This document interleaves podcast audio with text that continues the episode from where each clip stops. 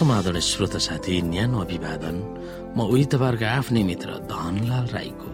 श्रोता आज म तपाईँको बीचमा बाइबल सन्देश लिएर आएको छु। आजको बाइबल सन्देशको शीर्षक रहेको छ कहिले नमर्ने किराहरू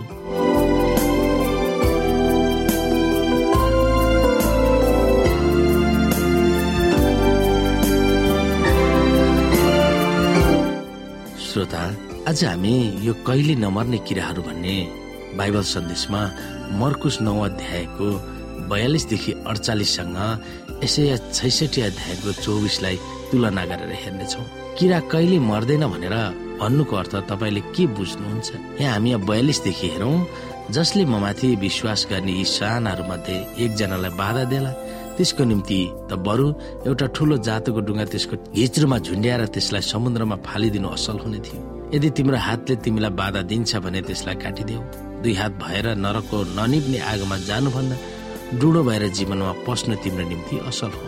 नरकमा त न किराहरू मर्दछन् न आगो नै निप्दछन्।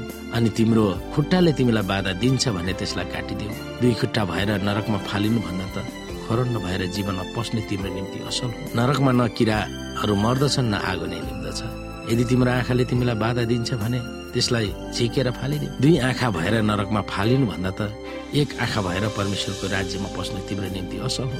नरकमा न त किरा मर्दछन् न आगो नै निप्दछ र यसै गरी हामी यसै छैसठी अध्यायको चौबिससँग तुलना गर्छौँ।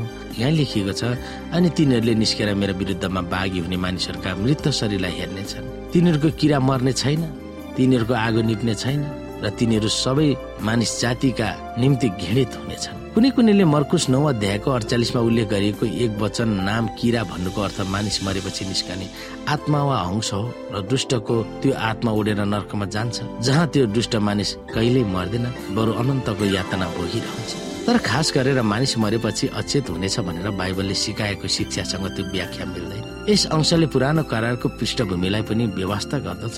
यथार्थमा एक वचन किरा भन्दा प्राय जसो किराहरू भन्ने अर्थ लगाउँछ।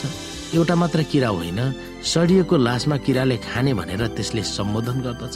मर्कुस नौ अध्यायको अडचालिसमा यसुले यसै छैसाठी अध्यायको चौबिसलाई उद्धृत गर्नु भएको थियो। जसमा लेखिएको छ अनि तिनीहरूले निस्केर मेरो विरुद्धमा बाघी हुने मानिसहरूका मृत शरीरलाई हेर्नेछन् भनेर।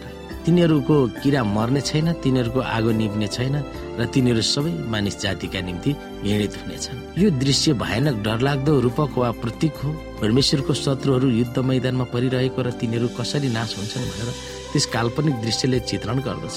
जुन शरीर आगोले जल्दैन तब त्यसलाई किराहरूले खाइदिन्छन्। वा पहिला किराहरूले खाइदिन्छन् अनि आगोले जलाइदिन्छन्। तर जे भए तापनि मानिस मरेपछि नाश भएको शरीरबाट न त अलग हुन सक्छ न त नर्कमा जान्छ भनेर ती अंशहरूमा उल्लेख गरिएको छैन। तर कहिल्यै नमर्ने किराहरूको बारेमा के भन्ने? यसैयाबाट प्रतीकको रूपमा लिएको भाषाले किराहरू अमर छन् भनेको छैन। के किराहरू पनि अमर छन् त? के भन्न खोजेको छ भने जबसम्म शरीरलाई पुरै विनाश गर्दैन तबसम्म ती किराहरू त्यसलाई छोड्दैन। तर त्यसको विपरीत परमेश्वरका विश्वासी सन्तान नयाँ स्वर्ग र नयाँ पृथ्वीमा रमाएर बस्छन् र परमेश्वरको उपस्थितिमा तिनीहरूले आराधना गर्नेछन्। मानिसको भविष्य यसरी विपरीत हुने भएकोले बरु हात खुट्टा र आँखा नभइकन परमेश्वरको राज्यमा जानु असल हुन्छ भनेर यसुले भन्न खोज्नु भएको थियो। सम्पूर्ण शरीरलाई किराहरू र आगोबाट नाश गर्न दिनुभन्दा त्यो नै असल हुन्छ भनेर भनिएको छ। अन्त्यमा आएर हामी कि त पुरै अनन्त जीवन पाउँछौँ कि त पुरै नाश हुन्छौँ। त्यहाँ माध्यम मार्ग छैन। कि त हामीले अनन्त जीवन पाउँछौँ वा अनन्त श्रोत साथी तपाईँले यति भनिरहँदा के तपाईँले आजै निर्णय गर्नु भएको छ? अनन्तको विनाश वा अनन्त जीवनको वास्तविकताले तपाईँको जीवनलाई कसरी प्रभाव पारिरहेको छ? त्यो कुरामा तपाईँले सोच्न सक्नुहुन्छ।